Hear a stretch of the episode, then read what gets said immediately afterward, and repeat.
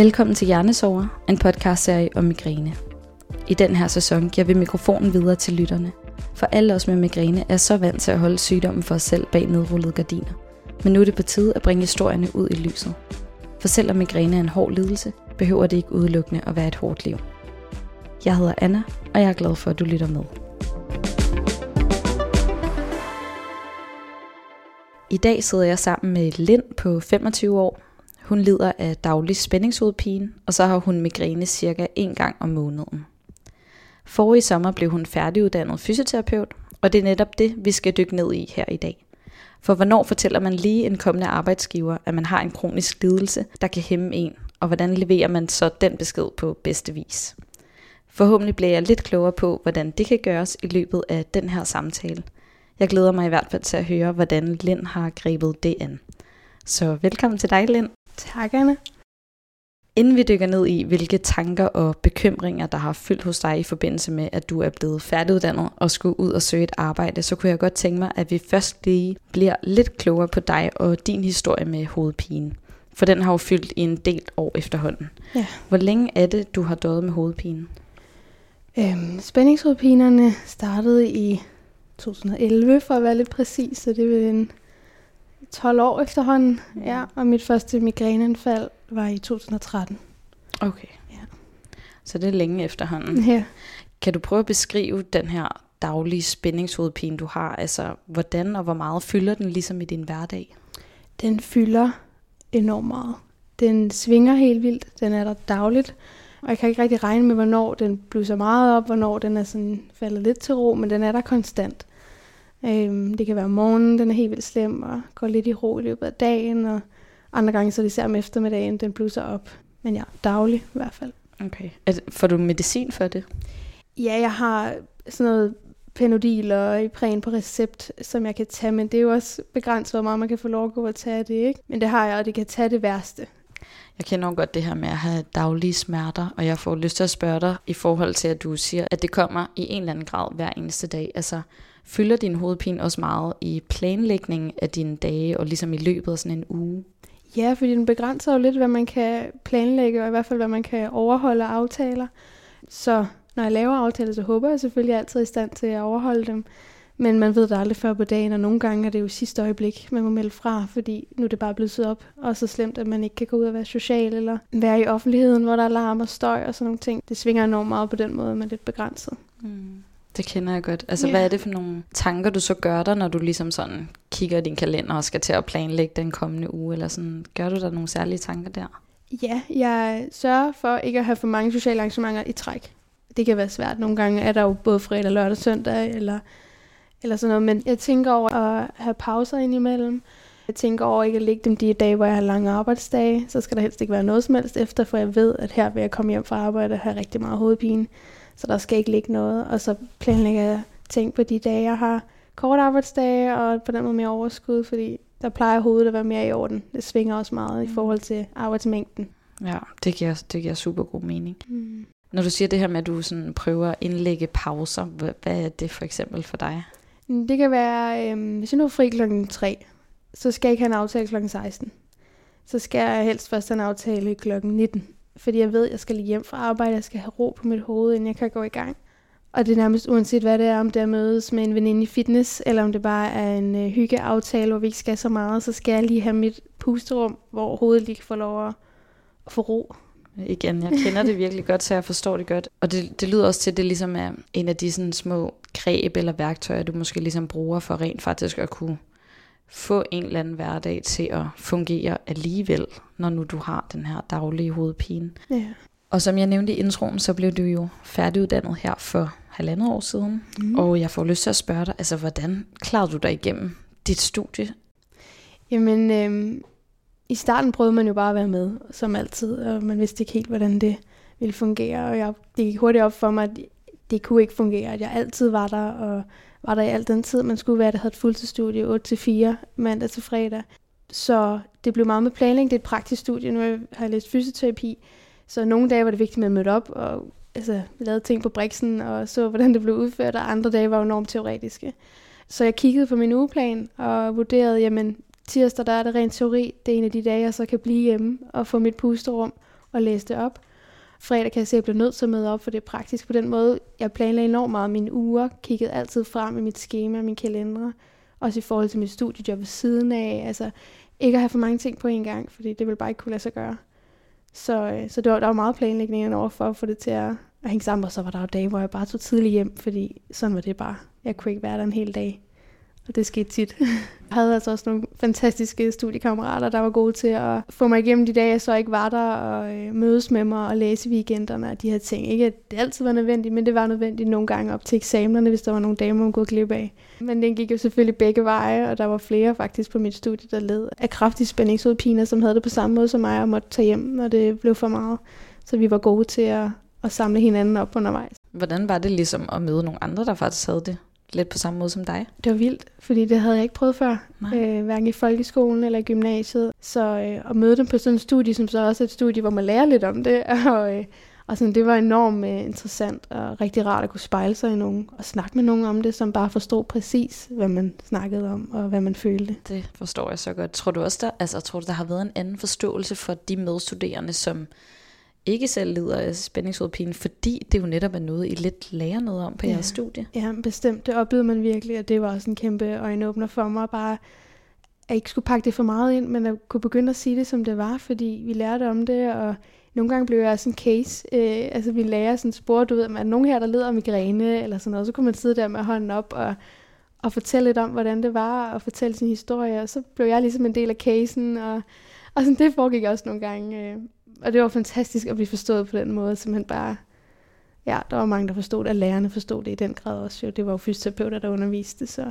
ja, det var rigtig rart. Ej, det kan jeg så godt forstå, men jeg blev også mærke i, at du ligesom taler lidt om det, som om, at, sådan, at det var en god oplevelse, det her med at prøve faktisk at være åben omkring det. Altså, hvordan var det førhen sådan i folkeskolen og gymnasiet? Altså, var du åben omkring det dengang? Nej, det vil jeg ikke sige. Øhm, generelt har en tendens til at være meget privat med mange ting, og ikke dele for meget, hvis jeg ikke synes, det er relevant. Men selvfølgelig kunne det her være rigtig relevant i mange sammenhænge. Men som mange andre lider hovedpine, tror jeg også, jeg oplever det her med, at det er svært at forklare, fordi hovedpine også bliver sådan en ting, folk bruger, hvis... Altså, nogle gange så var det sådan en dårlig undskyldning, eller sådan, at jeg har migræne, jeg bliver hjemme i dag, eller sådan med folk, der ikke havde migræne. Mm. Sådan, oplevede jeg det nogle gange. Og når man så havde migrænen, så hvad skal jeg så sige, blev jeg også bare forstået som hende der, der fyrer en dårlig undskyldning af. Så det var enormt svært for mig at snakke med folk om på den måde. Og så kom der nogle andre undskyldninger indimellem, i stedet for at sige det om migræne, fordi det lød måske mere rigtigt at sige, at man reelt var syg med noget andet. Kan jeg huske, at jeg har taget mig selv i mange gange. Hvad kunne det for eksempel være? Mm, så, altså, det var tit sådan noget, for eksempel hvis man skulle lave en hurtig sygemelding, som man jo desværre ofte skal så er det mere reelt at sige, at man har madforgiftning, eller et eller andet, der, der lød mere urgent i forhold til at skulle blive hjemme lige nu og her. Fordi migræne, det kræver en lidt større forklaring for dem, der ikke har oplevet det før. Mm. At forklare det faktisk er så inhiberende, at man bliver nødt til at blive hjemme. Mm. Ja, og, og jeg tænker også, altså et er jo de her migræneanfald, du har oplevet, men jo også bare den her daglige spændingsudpine, som jo også lyder til at nogle gange kunne være så slem, at du faktisk ikke har kunne, ja. kunne deltage på lige fod med dine medstuderende, om så det har været i folkeskolen, eller gymnasiet, eller på studiet. Ja. Og jeg har også tænkt over, at det jo er så svært, fordi det er noget, alle på en eller anden måde har et forhold til det at have hovedpine. Mm, altså, hvad, hvad, hvad var det, du ligesom var bange for, at folk vil tænke om dig, eller sådan være mistroiske omkring? Mm, jeg tror, jeg var enormt øh, bange for, at folk troede, jeg løg. At folk ikke troede på mig. Det, jeg gik så meget op i at være reel, og, og jeg var jo reel. Men alligevel så blev jeg sådan en, der så løg, fordi jeg jo så sagde noget andet. Fordi det lød mere rigtigt i mit hoved, ikke? I stedet for bare at sige det, som det var. Men øh, jeg var teenager, og skulle ligesom der var mange ting, der fyldte, så øh, skulle ikke også være hende der, der bare havde hovedpine og blev hjemme. Jeg, øh, ofte så bed jeg det jo også i mig og var med alligevel. Ikke? Altså det, det betød enormt meget at være social, men øh, spændingshovedpiner, selvom de jo ikke er lige så voldsomme som migrænerne, så er de bare mere konstante. Så det kan være sådan en konstant tyngende fornemmelse af hele tiden at have, så det er svært at holde sig op at være social og, og glad og udadvendt og smilende, så, øh, så selvfølgelig må man nogle gange trække sig, og så var det bare nemmere at sige, at det var noget andet. Mm. Hvilket jeg synes er mærkeligt at se tilbage på den dag i dag, og sådan har jeg det absolut ikke længere, men, øh, men sådan var det bare dengang. Mm. Hvorfor tror du, du gjorde det dengang? Altså når nu du siger, du, du ser tilbage på det med de her øjne. Altså, ja.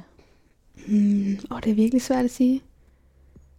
men ja, sådan en usikkerhed, og ikke at hvile nok i sig selv, hvile nok i, hvad det var, man led af. Jeg tror også, at jeg ikke rigtig ville acceptere, at jeg led af de her hovedpiner. Jeg var træt af, hvor meget de fyldte i mit liv. Jeg var træt af, hvor meget de skulle bestemme over mit sociale liv, og skoleliv, arbejdsliv. Altså, jeg accepterede virkelig slet ikke, at jeg havde de her hovedpiner. Så, øh, så jeg bed det i mig, jeg mødte op, og jeg ignorerede dem indtil det gik op for mig, hvad det er reelt, man går rundt med, og at man skal håndtere det på en helt anden måde, end den måde, jeg gjorde. Mm. Det kan jeg virkelig godt forstå, det må være så hårdt, det der med at være teenager og, og lide af smerter på den måde. Også fordi børn og unge kan nogle gange også bare være lidt taglige og lidt grove, og måske ikke have den største forståelse over for andre. Har du, har du ligesom oplevet direkte, at nogen har sagt nogle ting til dig, som om, at, at de ikke troede på dig, for eksempel hvis nu du sagde, at du havde hovedpine, eller har det mere været en frygt i dit eget hoved om, hvad andre kunne tænke om Jeg tror primært, det har været en frygt i mit eget hoved. Jeg har fået den der, ah, kom on, kom nu med alligevel, ikke? Hvor man så stod med sådan en følelse, hvordan skal jeg forklare dig, at jeg kan ikke komme med alligevel. Øh, jeg skal blive hjemme i dag, eller jeg skal ikke med ud til det her, fordi jeg skal noget i morgen, jeg rigtig gerne vil, som er rigtig vigtigt for mig, og jeg ved, at jeg kan ikke begge dele. Hvor de sådan, ah, det ved du ikke, altså prøv nu bare, ikke? Altså sådan, den fik man nogle gange. Mm. Men, øh, men jeg har ikke oplevet nogen være, være stride eller noget som helst, nej. Så, så det er nok mest min egen frygt. Mm. Ja. Jamen, det kender jeg godt, at man gør det jo også, fordi man jo i sidste ende egentlig også prøver at beskytte sig selv et Ja. eller andet sted. Og så er det jo også nogle gange svært det her med, altså nu nævnte du før det her med sådan, ej jeg vil være social og være udadvendt Mhm. og alle de her ting, og det er jo nogle gange det, smerten også nogle gange tager fra en, at man har mulighed for sådan på en eller anden måde at være den, man helst gerne vil være. ja. Så det er jo også nogle gange det, jeg i hvert fald selv oplever, at så kan jeg sådan få lyst til at bide smerten i mig og virkelig prøve alligevel, fordi mm. jeg Mm. vil bare ikke acceptere sådan, at der ikke er en eller anden overensstemmelse mellem den, jeg egentlig Ja. selv ser mig som, Ja. og så den sådan, jeg frygter andre måske vil se mig som, eller den, jeg ikke præcis. føler, jeg rigtig kan være. Lige præcis. Det er jo virkelig, man har en følelse indeni, at man gerne vil være udadvendt og udstråle energi og alle de her ting, og udvendigt så ser man bare nogle gange hammerende træt ud, og man hænger med mulen, og øjenbrynene er svære at løfte op, ikke? og hele det her udtryk, man gerne vil give videre, som man føler, man har indeni, det er enormt svært at acceptere, at sådan er det bare ikke altid, og du kan ikke altid få lov at vise den, du egentlig er, fordi hovedpinen tager over nu. Mm. Og det har jeg brugt mange år på at acceptere. Og jeg Mm. ved stadig ikke helt, om jeg er nået dertil. Men, øh, men det var især svært at acceptere som øh, ung teenager, når man skulle lære at finde ud af, hvem var man, og hvordan var man i sociale sammenhænge, og hvem ville man gerne være, og sådan nogle ting. Det kan jeg godt forstå. Det er på en måde også en meget sådan definerende tid. Netop Ja, når du siger det der med, hvem man gerne vil være. Altså sådan, Ja. Det kan jeg godt forstå, for jeg var jo ikke, jeg havde led jo ikke selv af, af hovedpine eller migræne i min teenageår, så det var slet ikke Nej. noget, jeg sådan, så, der var så meget andet, jeg skulle forholde mig til. Det, det var slet ikke det, det handlede om et eller andet sted. Nej. Og så oveni også lige skulle kæmpe med smerter. Ja. Det kan jeg virkelig godt forestille mig, ja. ja. har været svært. Okay, så det lyder jo som sagt som om, at du så faktisk er blevet bedre til at åbne op og tale mere om Mm. de her smerter, du går med, og den her øh, ja, spændingshovedpine, du oplevede over- for dine medstuderende og lærerne. Var det helt fra start af, at du bare ligesom sagde, det her lider jeg af, da du startede på studiet, eller hvordan var den proces ligesom? Nej, det var det absolut ikke. Men det er også fordi, jeg, altså, det skulle ikke være så meget en del af mig, at det var noget, jeg skulle melde ud. Øhm, men det blev det jo fordi, at folk spørger ind til, hvorfor man er fraværende, og de ønsker også, at man kommer i skole og hygger sig, og sådan nogle ting. Og så, så gik det op for mig, at måske man bare skal sige, som det er, fordi især de her mennesker, de ved da, hvad det er for noget. Så det kom hen ad vejen. Måske er det også et godt sted at sådan Ja. teste det her af med at, at øve sig i at sige det, fordi det, mm. De måske er sådan ret forstående. Ja, lige præcis. Så det lyder som om, at du ja, prioriterer ret meget i, eller i hvert fald gør dig rigtig mange overvejelser om, hvad du kan, og hvornår du kan det, og hvor meget du kan. Så og så mange dage i streg. Altså, Ja. som sagt, det her puslespil, jeg talte om. Hvordan prioriterer du så mest? Altså, er det mest sådan, var det, var det ligesom studiet, eller var det det sociale, du skar fra, eller var det lidt sådan en vekselvirkning på en eller anden måde, eller sådan en kombination? Enorm, enorm vekslen, ikke? Altså, Ja. studiet er jo vildt vigtigt, og øh, jeg vil jo gerne igennem det, jeg vil gerne klare mig godt, og jeg vil gerne blive dygtig. Men øh, jeg havde også enormt behov for at være social, og, og få venner på det her studie, og alle de her ting, deltage i de sjove arrangementer og festerne og sådan noget, så jeg vekslede enormt meget. Mm. Øhm, og samtidig så havde en husleje, der skulle betale, så også lige have et studiejob, øh, og de her ting, ikke, som, som alle jo egentlig skal, men, øh, Men det ja, enormt meget planlægning og meget, meget veksling, ikke? Og nogle gange måtte det jo også være arbejde, man så ikke kunne tage. Altså, det var, det var lige, hvordan det passede ind i ugen. Mm. Hvad der skulle skæres fra. Mm. Og nogle gange familiearrangementer, altså det var jo, det var bare sådan, det var, ikke? Ja. Synes du ligesom, at du har oplevet en forståelse for din omgangskreds, når, når der ligesom var nogen på den front, der blev nedprioriteret, eller at du ligesom var nødt til at aflyse? Ja, det synes jeg virkelig. Jeg synes, jeg har en fantastisk omgangskreds, og øh, også en enormt forstående familie. Og jo, jeg oplevede, at nogen blev ær- ærgerlige indimellem, øhm, men jeg kunne blive lige så ærgerlig, hvis de var syge med et eller andet. Altså sådan, jeg, jeg oplevede stor forståelse. Ja, det vil jeg sige. Det er jeg virkelig glad for høre. Det er også bare så vigtigt at få den der forståelse, fordi det er jo også det, der på en eller anden måde bekræfter en i, at man gerne må tage den plads, og man gerne mm. må stå ved det, man nu lider af, og Ja. ture sige det højt, og ikke skulle finde på andre undskyldninger. Så det, øhm, det er jeg virkelig glad for at høre. Mm. Ej, men det er så fedt lige sådan at høre om, ja, hvordan du har grebet det her med studie og sådan nogle ting an. Mm. Også fordi det er særligt, det er også meget det, jeg selv er i lige nu. Mm. Men jeg kunne helt vildt godt tænke mig at høre, ligesom, hvad du så tænkte med arbejde, da du ligesom for i år blev færdiguddannet. Fordi jeg tænker også, at åh, det her med at være fysioterapeut og skulle have nogle klienter og Mm. ja, ligesom på en eller anden måde, hvor man helst ikke skal aflyse og alle sådan nogle ting. Altså jeg kunne bare Ja. forestille mig, at det sådan er vildt svært. Hvilke, hvilke tanker gjorde du der i forhold til sådan, hvilken type arbejde du skulle have? Uh, jamen, da jeg nærmede mig at være færdiguddannet, så kom bekymringerne der om, at nu er jeg gået for det her studieliv, hvor jeg lidt selv kunne bestemme min hverdag, til hvad gør man, når man får et 8-4 job, og ikke bare kan blive hjemme, som det passer mig, og rykke rundt, som det passer mig. Øhm, men altså, så undersøgte jeg mulighederne inden for min branche, og, øh, og der er heldigvis rigtig mange muligheder, og rigtig mange forskellige øh, arbejdsstillinger, eller sådan måder at arbejde på inden for det område. Og, Øh, og så valgte jeg jo et, en, jeg valgte at søge en stilling, hvor jeg er selvstændig fysioterapeut. Selvfølgelig under nogle rammer, jeg har en kalender, jeg har nogle patienter, jeg skal møde op til, men jeg kan lægge min hverdag, ligesom det passer mig. Meget privilegeret, synes jeg selv nu, når jeg hører det. Så jeg har lange dage, jeg har korte dage, jeg aflyser, som det passer mig i princippet, fordi jeg har ikke nogen chefer, der sådan på den måde under mig i nakken. Selvfølgelig er det svært at aflyse patienter direkte, fordi man har øh, aftaler en til en med folk. Men mine patienter er jo også patienter af en årsag. De også, døjer også med ting og sager, der er grund til, at de aflyser nogle gange. Så sådan er det bare, at man må aflyse. Så kan jeg give dem en ny tid. Det er lidt den følelse, jeg har rundt med nu. Jeg er også blevet ældre, end da jeg gik i gymnasiet, og øh, var usikker omkring, hvordan jeg sagde de her ting til folk. Jeg hviler meget mere i det nu. Og, øh, at få en hverdag til at fungere ved at have den stilling, jeg har nu. Er det ligesom den gængse vej at gå, det her med sådan at blive selvstændig fysioterapeut, eller er du ligesom gået en anden vej i forhold til mange af de andre, du har studeret med? Jeg tror ikke, det er den oplagte vej, lige når man er færdiguddannet og gå hen og blive selvstændig. Det hører jeg ikke så mange, der gør. Så der undersøgte jeg rigtig mange muligheder. For der er jo også- også 8-4 jobs som fysioterapeut, øh, der kræver, at du er der der. Selvfølgelig kan vi altid være syge, men, men de stillinger er der også. Så på den måde, nej, der har jeg nok taget et andet valg aktivt, ud fra mit hoved og min, mine behov. Ja. Så hvordan fungerer det helt præcis? Fordi nu siger du så, at du ikke har de her sådan, chefer, mm-hmm. der Mhm. under dig i nakken på en eller anden måde, men du er stadig ligesom et, et del af sådan et fællesskab, eller en Ja. klinik, eller, eller Ja. hvordan fungerer det egentlig? Jamen det er jeg. Så planlægger jeg øh, bare, jeg har mit schema. Der står ikke nogen steder, jeg skal være der 37 timer, men i princippet skal jeg nok være der i 37 timer. Men så, så ligger jeg, altså nu ved jeg, at jeg har det godt med at møde sent om mandagen efter en weekend, hvor jeg forhåbentlig har kunne være lidt social. Øhm, altså vi snakker ikke tømmermænd, men hovedpiner. Så jeg møder tit øh, senere om mandagen, så har jeg altså først fri kl. 18, men det plejer jeg at gå, og så har jeg nogle tidlige dage de andre dage.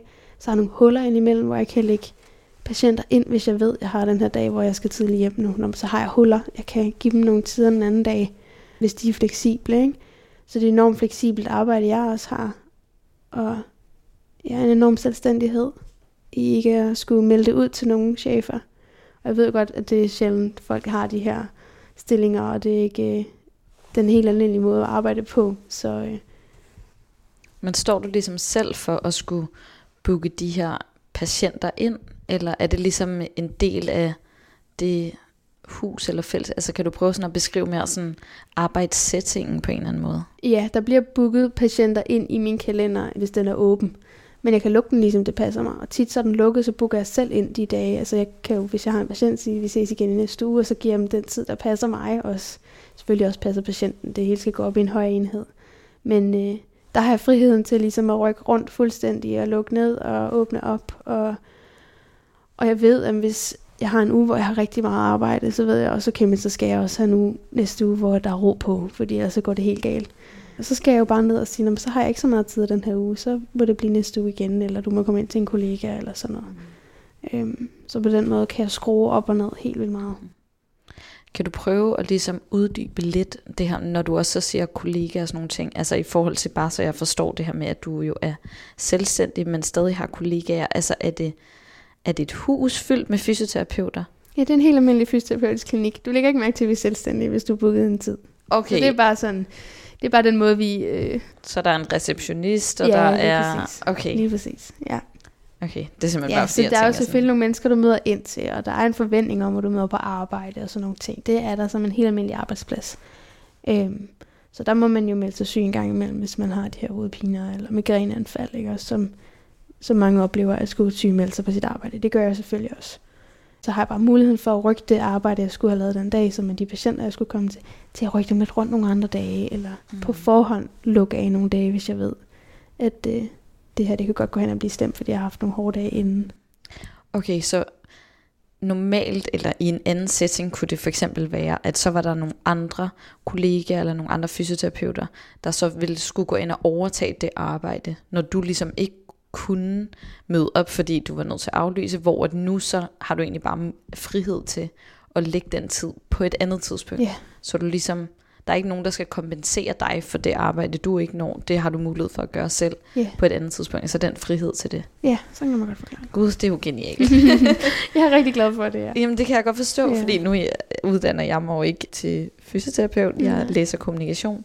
Men jeg har da også virkelig tit tænkt sådan, det der med, åh, hvordan gør man i forhold til sine kollegaer og dårlig yeah. samvittighed og ikke kunne de her ting. Og altså, for mig tror jeg netop også bare, at jeg har brug for at lede efter noget, hvor at det er fleksibelt, yeah. og hvor jeg ligesom kan sige sådan, Nå, så kan det være, at jeg lige kan arbejde lidt øh, søndag aften, eller så Ja, kan det være, at jeg lige... Altså det her med sådan... Lige præcis. det er altså nu er mit fleksibelt. meget specifikt, og det er heller ikke sådan her, alle selvstændige fysioterapeuter arbejder. Det er meget forskelligt. Men det her med at lede efter det fleksible, tror jeg kan være rigtig rart for os, der lider af de her hovedpiner. Og det kan man finde på mange forskellige måder, tror jeg, uden at vide det. Jeg har jo ikke selv øh, søgt i andre brancher.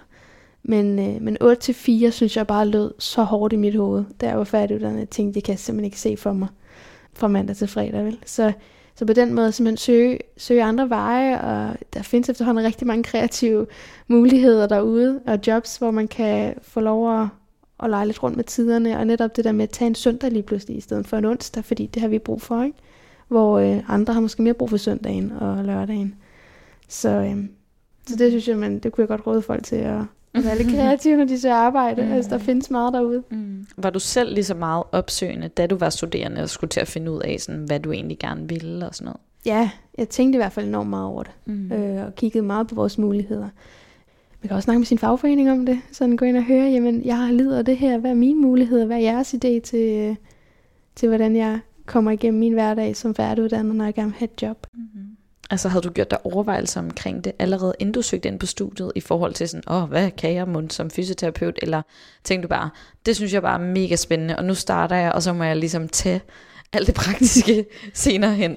det tænker jeg nok grundlæggende, men jeg havde faktisk snakket med min øh, mor omkring det her med, at jeg vidste, jeg ville have, et, altså jeg brænder meget for at arbejde med mennesker, øh, og, øh, og det vidste jeg godt ville være hårdt for mit hoved, krævende, det er krævende at være på, og, øh, og snakke med mennesker i løbet af dagen. Og vi snakkede meget om det her med, hvad kunne jeg så være, hvis ikke jeg skulle være arbejde med mennesker, fordi jeg vidste jeg ikke, om mit hoved kunne holde til. Fordi dengang jeg skulle søge ind på studiet, havde jeg allerede lidt af det i mange år. Men det var så stor en drøm, så jeg var bare sådan, nu søger jeg, ser hvad der sker. Altså, så må man bare finde løsninger. Om ikke andet, så må jeg tage en anden uddannelse. Altså sådan, vi er jo heldigvis lever i et land, hvor mulighederne er store. Så, øh, så der tror jeg bare, jeg var sådan, nej, det er med nej, om det skal, øh, om min hovedfin skal stoppe mig her, hvis det er det, jeg virkelig brænder for. men, øh, men jeg havde overvejelserne. Ja. Åh, oh, jeg kommer helt til at smile. Jeg synes bare, det er vildt sejt, at du har gjort det. Altså fordi i sidste ende, ja, så tror jeg bare, at det er det helt rigtige, ligesom at prøve at se muligheder, ja. selvom det godt kan være virkelig svært. Ja. I stedet for at tænke, ej, jeg må hellere gå det sikre vej, eller gå den praktiske vej, eller et eller andet. Altså i forhold til det her med at vælge studie, sådan, ej, ja, det er ikke præcis. praktisk at arbejde med mennesker. Så laver jeg noget andet. Sidder jeg på et kontor, eller det gør det, et eller andet i 50 år. Og, men det er ikke det, der giver en glæde. Altså Nej. jeg forstår godt, at du... Øh... Vi har rigeligt med, med tristheder, når vi har de her smerter, og hvor vi ligger alene og har ondt. Så hvis vi har en hverdag, der er sjov at stå op til, og vi laver det, vi drømmer om at lave, så, øh, så synes jeg generelt også, det er nemmere at komme igennem, end at have et job, bare fordi det er praktisk. Mm.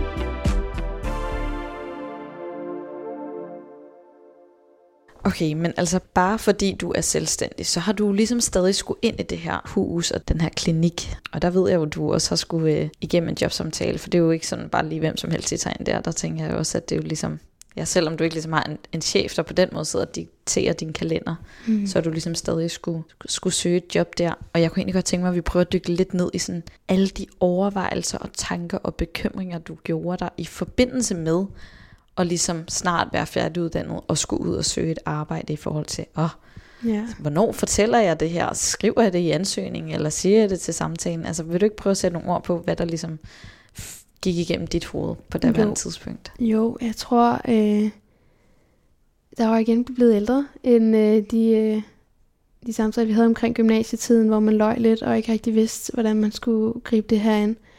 Så, øh, så hvilede jeg mere i det på det her tidspunkt, og øh, jeg vidste, at hovedpinen er blevet en del af mig nu. Jeg håber stadig, at den går væk en dag, men den er blevet en del af mig, og den er også en stor del af min hverdag.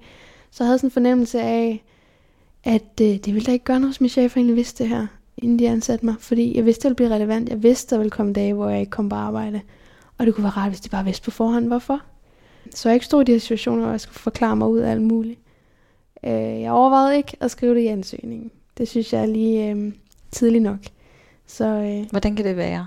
Jeg tænkte, lad, mig, lad dem lige møde mig først, og så, mm. øh, så tager vi den derfra. Hva, altså, hvad, hvad tænker du mere specifikt omkring det? Altså det der med, at du godt ville ligesom have, at de skulle møde dig? Mm, fordi det er mig, de skal ansætte. De skal ikke ansætte hende der med hovedpinen, eller uh, være bange for at ansætte hende der med hovedpinen. Mød mig lige og se, om jeg er et match, og så tager vi den derfra. Så jeg vil gerne informere om, at jeg har de her hovedpiner, men, øh, men også lige give mig en chance inden. Og så er det jo heller ikke et krav nogle steder, at du skal informere om, hvad du fejler. Øh, var det for ligesom også at vise sådan, at du er meget mere end din hovedpine? Ja, ja, så meget skal den slet ikke definere mig overhovedet. Øhm, og man kommer ud der og færdiguddannet og synes, man kan alt muligt, og tænker, nu skal jeg ud og vise. Og have lov at vise, og have lov at udføre og sådan nogle ting. Og det, det skal ikke være hovedpine, der stopper mig der. Så det skulle ikke stå i ansøgningen. Absolut ikke. Og tænk nu, hvis den pludselig ikke var der mere, den her hovedpine. så går det heller ikke, at jeg har skræmt dem så meget væk på forhånd. og have små håb. Men, øh, men nej, det dukkede først op til samtalen. Og jeg havde gjort mig overvejelser inden, at det er noget, man skal sige, og noget, man ikke skal sige igen, fordi altså, det er ikke et krav, og generelt når du er syg, så behøver din chef ikke at vide, hvad du fejler. Men, men jeg havde jo før oplevet det her med at lyve og sige, at jeg havde fået madforgiftning eller et eller andet, når jeg lå derhjemme med, med migræne, også til mine tidligere chefer på mine studiejobs. Og det ville jeg bare ikke ud igen. Det var der en grund til at skulle ud igen. Så jeg ender med at sige det til samtalen. Okay, og jeg skal bare lige hurtigt høre. Var du fast besluttet på, at du ville sige det, da du gik ind ad døren, eller var du sådan, Måske dukker det op. Altså, hvad, jeg tror, jeg tænkte, jeg ser lige menneskerne an, og fornemmer lige forummet og sådan noget. Det er et trygt og rart forum og rum at være i, og at nogle mennesker, der kunne forstå, at lige pludselig slynger det her ud. Øh, men det vil jeg nok gøre med alt, hvad man lige har forberedt sig på at sige, ikke? så lige fornemme, hvad foregår der omkring en. Så hvordan foregår den her samtale? Den er så chill. Jeg kommer bare ind, og vi sidder i et par sofaer. Mine to chefer, som er et ægtepar, sidder der, og alt er meget roligt. Og øh, og der er god stemning. Så det, det var bare så oplagt lige, og det er ikke sådan, jeg bare slynger det ud af kontekst, men øh, altså nu kan jeg dårligt huske præcis, men det var bare noget med at få sagt, at det, det her, det, det lider jeg altså af, og det, det fylder lidt i min hverdag, og, øh, og det kan, det kan få nogle, syge, øh, nogle sygedage indimellem, noget fravær. Men at jeg jo stadig vil gerne arbejde og alle de her ting, ikke? Og jeg husker, det blev taget som om, at det blev slet ikke taget så alvorligt, som jeg havde forestillet mig. Det var meget sådan, nå ja, og så fortalte min chef lidt omkring øh, nogle nakkeproblemer, hun levede af, og sådan, nå ja, så sad vi lidt og snakkede om det alle sammen. Så det var ikke, øh, det blev slet ikke så taget så alvorligt, som jeg egentlig havde forestillet mig og forberedt mig på. Nej, altså ikke på den måde alvorligt, at de ikke troede på det, men på den måde, at uh, nej, nu skal vi lige dykke ned i det her. Hvad mm. nu det for noget? Det, det, sådan ja, sådan, åh, oh, ej, vi kunne egentlig godt lide hende, ja, men oh, nej. nu kan det være, at vi skal. Altså, Præcis. Okay, så det lyder som, at du faktisk har gjort det. Altså, du var lidt bekymret måske, eller sådan frygtede ja, lidt, hvordan det ville reagere. Sådan, ja, hvordan folk reagerer, om de tager det seriøst, og om, om det er en grund nok til, at man så ikke vil ansætte, uh, ansætte mig. Mm. Det var det heldigvis ikke. nej, heldigvis ikke. Nej. Følte du, at du ligesom sådan kom til, det kan man jo godt nogle gange komme til i hvert fald, det her med sådan at pakke det lidt ind og være sådan, om jeg døjer lidt med det her, men det fylder slet ikke så meget, det er det bare en gang imellem, og det er ikke så slemt. Eller følte du egentlig, at der var plads til, at du ligesom godt kunne stå ved sådan ret reelt, hvordan hovedpinen fylder, og netop også det her med, at sådan, det, det kunne ske, at du var nødt til at aflyse og melde dig syg og sådan nogle ting. Jeg tror, jeg fik nævnt det her med, at det kunne ske, at, øh, at det, det er en af årsagen til, at jeg så har en sygemelding. Mm. Men jeg fik ikke skruet op for, hvor, hvor invaliderende det kan være, og de her ting, det tror jeg ikke, jeg fik gjort. Så vidt jeg husker, det var meget sådan, jeg fik nok pakket det lidt ind. Mm. Men det blev nævnt, men jeg, jeg kender mig selv ret, så tror jeg, jeg pakkede det lidt ind. Men dog fik sagt det væsentligste, som var det her med, det kan altså skyldes, at jeg har nogle sygedage. Mm. Jeg tror, det er meget naturligt, at man gør det også jo igen for at passe lidt på sig selv på en yeah. måde, og ikke sådan udlevere alt, også når du siger det her med, at du altid har været et meget privat menneske, så det er også at sidde over for to, yeah. man overhovedet ikke kender, og skulle udlevere sig selv på den måde, der jo på en eller anden måde også har en eller anden dom omkring, eller sådan yeah. en eller anden ja, indflydelse på. Ja. ja, lige præcis. Ja, det kan være enormt grænseoverskridende. Mm. Det kan det virkelig.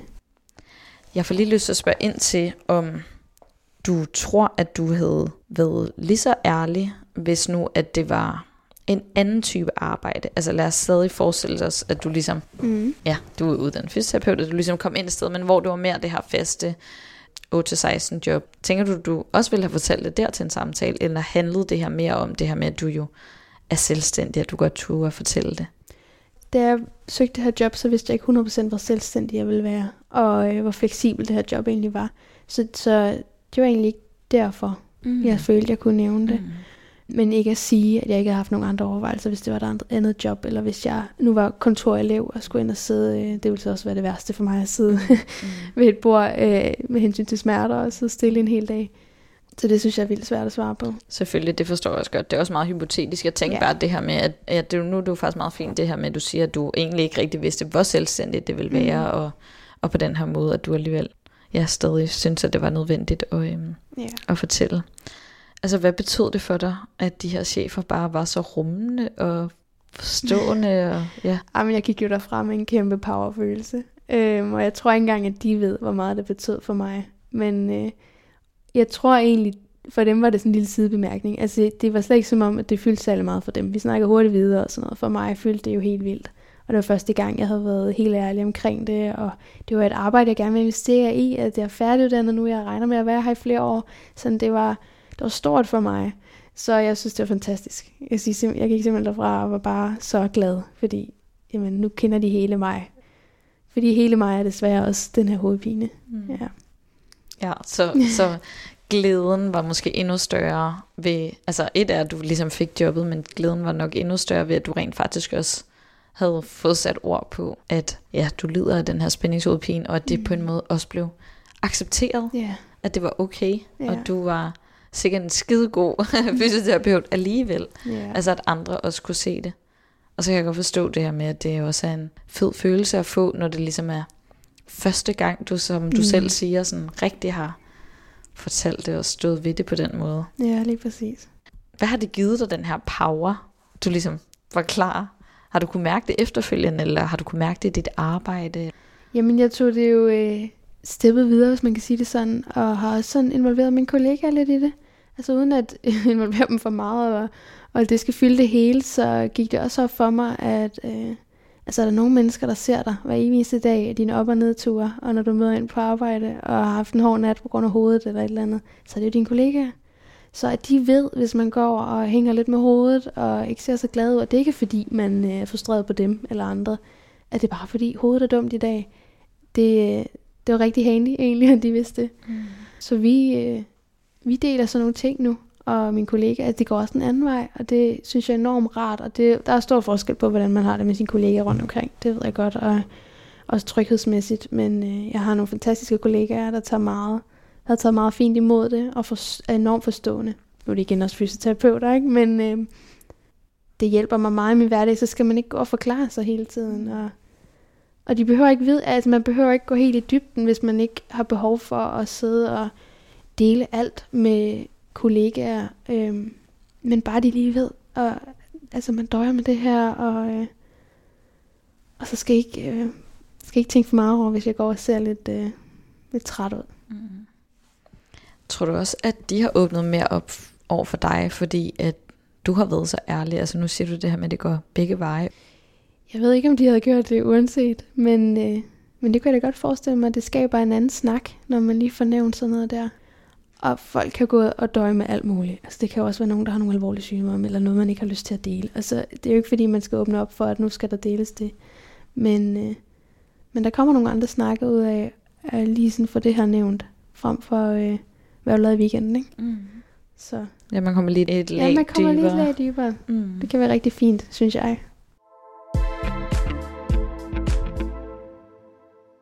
Du sagde før det her med, at det ligesom var første gang, du sådan rigtig havde sat ord på, at du lider af spændingshovedpine. Hvordan har det tidligere været, når du, hvis du har søgt arbejde, så nu fortæller du før, at du ligesom har haft studiejob. Mm. Har du fortalt dine chefer det på daværende tidspunkt? Eller? Nej, aldrig. Aldrig, jeg har aldrig tænkt. Jeg tror i starten tænkte jeg heller ikke, at det var sådan noget, de skulle informeres om. Øh, der vidste jeg heller ikke, det ville bare ved så længe. Men nej, ellers så har jeg aldrig informeret om det. Ikke tænkt, at det var noget, de skulle vide, og håbet lidt, at det ikke blev for relevant, eller... Altså igen hænger sammen med det der med, at jeg dårligt dårlig nok til at sige, det var derfor, jeg var syg. Fordi jeg simpelthen ikke havde en forestilling om, at folk ville forstå, hvad det handlede om. Og skulle sidde og forklare mig, og ville de nu forstå mig, og lød det som om jeg overdriver, og ej, jeg synes, man tænkte meget over, hvad andre tænkte, eller det gjorde jeg. Og det var helt forfærdeligt at se tilbage på, synes jeg. Det var en kæmpe bekymring. Men, øh, men det tænkte jeg alt for meget på, så derfor involverede jeg ikke folk i det. Mm. Eller tidligere chefer i det. Mm. Og det lyder virkelig som om, det sådan har fyldt meget. Ja. Men det er også altså, helt forståeligt. Det tror jeg, der er så mange, der kan genkende til. Og det kan jeg helt sikkert også for mig selv. Altså det er jo også en eller anden måde at sådan ikke, ja, igen acceptere det 100% mm. i hvert fald. Ikke? Altså, mm. øhm, ja. Men har du, altså, har du været i situationer på dit arbejde, hvor du alligevel har været nødt til, altså dengang, at, at melde dig syg? Ja, man har, jeg har været, altså hvor man er mødt op, og så man tænker, nu har jeg migræne med aura, så auraen kommer, og man ved, hvad der venter. øh, shit, jeg bliver nødt til at sige noget, mm. fordi jeg kan ikke bare være her. Mm-hmm. Øh, desværre der er alt for mange gange, hvor jeg har været i det, hvor jeg bare er blevet, hvor jeg bare har bidt det i mig. Det er lidt nemmere at gøre med spændingsudpinerne der med migræne, tror jeg. Men, øh, men det fortryder jeg, når jeg ser tilbage på det. Så mange gange, hvor jeg bare har tænkt, at jeg kan ikke gå op og smutte nu, og jeg kan ikke, ej, det kan man da ikke. Og så har jeg bare siddet altså, og lidt, eller hvad man siger, ikke? Altså, været i det. Hvorfor fortryder du det? Fordi det var jo ikke hensigtsmæssigt. Altså, det var det jo ikke. Og jeg skulle have stået ved, hvor ondt jeg havde at tage hjem. Altså andre, der havde været syge og fået feber, de havde også taget hjem. Og det synes jeg nærmest er nemmere at være i, ikke? Ikke at man skal underkende noget, men, men, men man skal ikke sidde der og have så ondt. Altså vi ved alle sammen, hvor forfærdeligt det kan være. Så skal man bare tage hjem og ligge der, hvor man har det bedst. Så, øh, så det kan godt blive ked af at se tilbage på øh, unge Lind, der har siddet der og bare bidt det i sig, fordi hun tænkte for meget over, hvad andre tænkte omkring det. Mm. Ja. Hvordan i alverden er du så blevet bedre til ikke at gøre det længere? Altså, hvad er det, der har ændret sig? Jeg er blevet voksen, tror jeg. og så voksen er jeg ikke engang, men, men jeg tror bare, jeg er blevet ældre. Og med alderen sker der mange ting. Altså, vi bliver mere, jeg ved ikke, jeg hviler mere i det, jeg hviler mere i mig selv. Jeg har efterhånden lidt af det i så mange år, at jeg er gået op for mig, jeg kan ikke skjule det mere, jeg kan ikke øh, være i det. Altså, jeg er blevet mere stedig, øh, sådan mere nok er nok. Ja, jeg tror, tror, det er det. Var det sådan en følelse af måske, at, at det alligevel i sidste ende var en for høj pris at betale, at du så hellere ville sidde der i så mange smerter, end at nogen skulle have en idé om, hvordan du må være? Ja. Eller, altså er det er det, ja, det, det handler det er netop det. Det er jo helt fjollet. Altså, det var en for høj pris at betale. Fordi man havde det jo ikke bedre, at man kom hjem, og dagen efter var også udlagt, ikke? fordi man bare pressede sig selv i situationer, man ikke skulle presse sig selv ud i. Ja, jeg tænker i hvert fald bare sådan, om der er et eller andet specifikt, der har gjort, at der er noget, der har ændret sig. Fordi jeg kunne bare forestille mig, at der er mange, der er endnu ældre, som slet ikke er nået dertil endnu. At det ikke nødvendigvis er sådan øh, Ja. alderen, der spiller ind, eller sådan at Det kunne også være viden om hovedpinen. Jeg satte mig mere ind i det, altså forstået det bedre. Nu gennem min uddannelse forstår jeg lidt bedre, hvad der foregår, når det er spændingshovedpiner. Og migrænen forstod jeg heller ikke meget af i starten. Det var bare smertehelvede, og hvad delen skete der lige der. Ikke? Sætte sig ind i, hvad det egentlig, der foregår. Det er faktisk rimelig reelt, det her. Altså, det, det er noget, der skal tage seriøst. det kan jo også være det her med, at i hvert fald i forhold til, hvordan det lyder til, at det har været for eksempel igennem din folkeskoletid og din gymnasietid, at der var hovedpine noget, som folk brugte som en dårlig undskyldning. Det var noget, alle kunne have. Mm. Hvor at så får du jo pludselig gennem dit studie den her oplevelse med, at det faktisk Ja. Bliver anerkendt som en lidelse, som en sygdom, Mhm. mm. på altså lige fod med alle mulige andre Er du en kæmpe øjenåbner? sygdomme. Altså det her Ja. med, at du også, som du siger, bliver, bliver brugt som case og alle de Ja. her ting, det vil du ikke blive brugt, Nej. hvis ikke det ligesom var relevant på en eller anden måde. Altså jeg tænker måske også, det kan jo også være, det det, det handler om, mm. at du ligesom på en eller anden måde altså har fundet den der accept inde i dig selv, og ligesom en tiltro til, Gud, okay, jeg må faktisk, jeg må mm. gerne tillade mig selv at være syg med den her sygdom. Ja, 100 procent. Det er mere anerkendt nu, føler jeg også. Jeg ved ikke, om det er, fordi jeg ved mere, eller om det er med tiden. Jeg hører ikke mange flere sige, at jeg har migræne, når de ikke har migræne.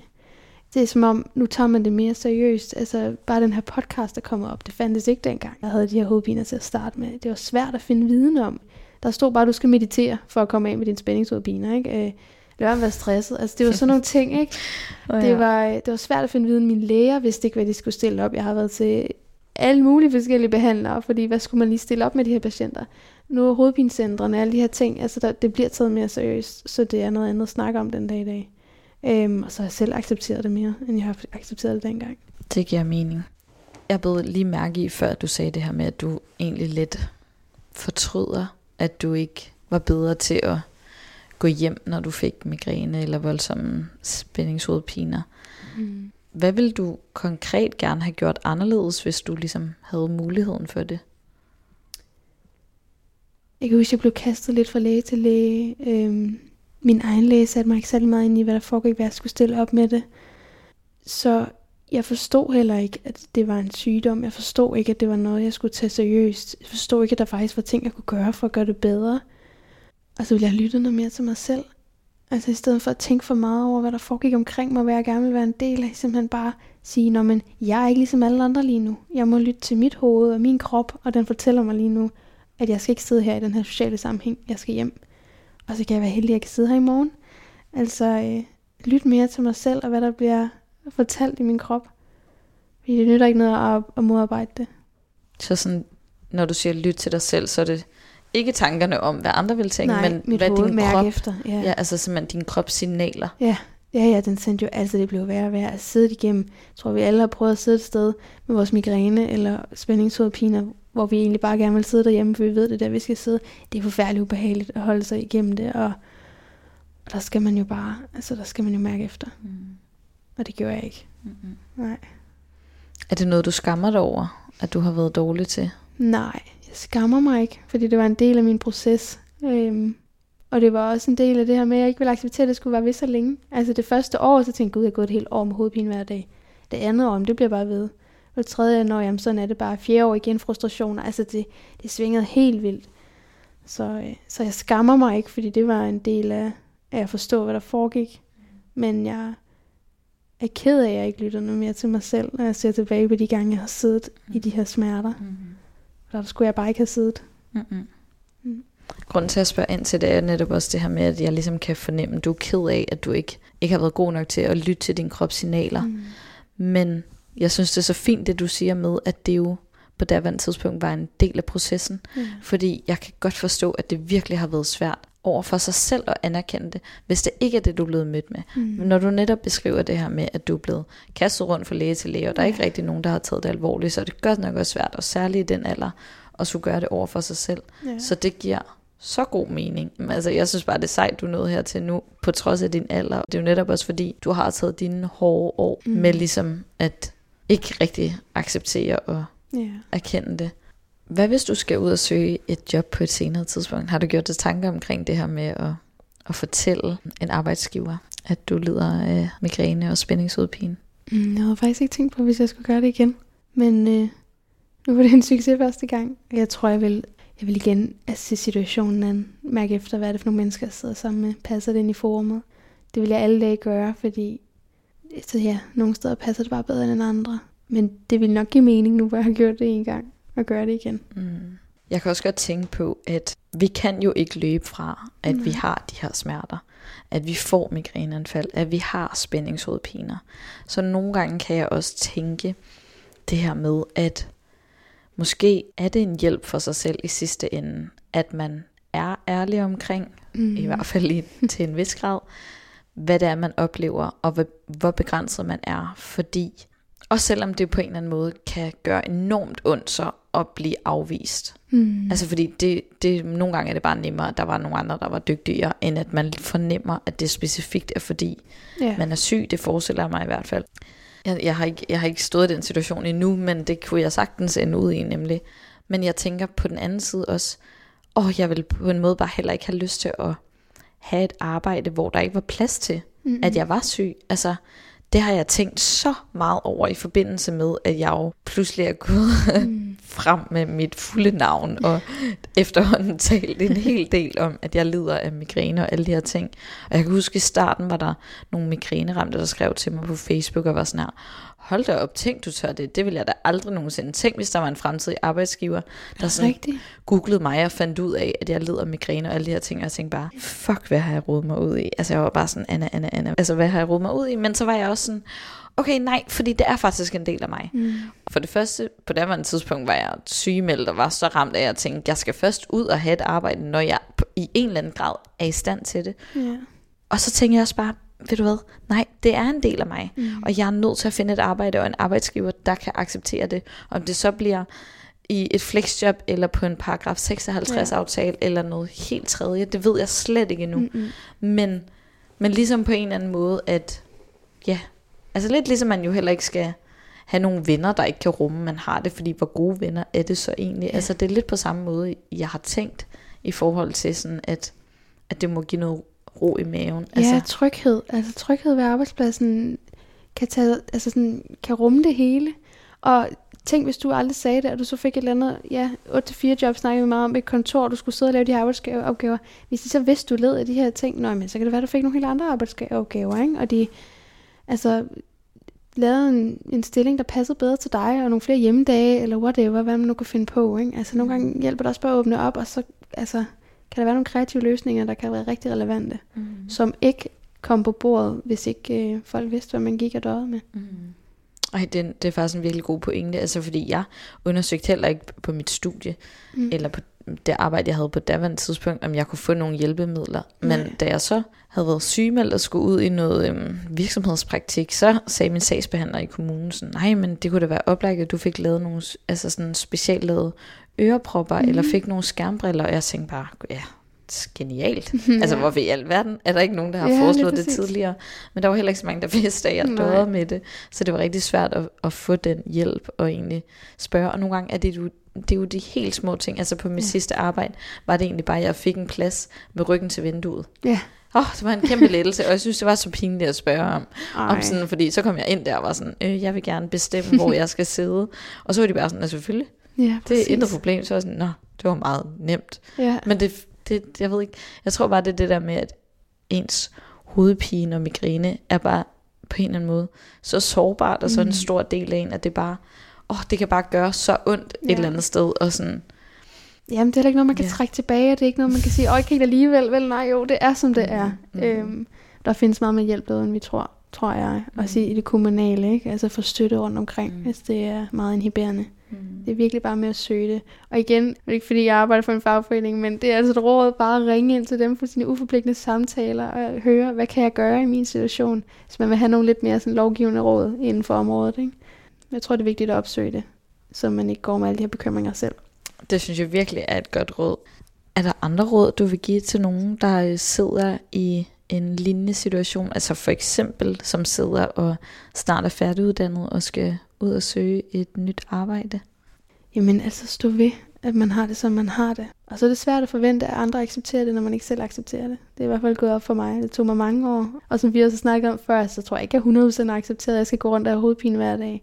Men bare man er på vej derhen af, så hjælper det også i forhold til andre omkring, der skal forstå, hvad det er, du render rundt med og acceptere det. Familie, venner lige så meget som en arbejdsgiver. Og mit bedste råd.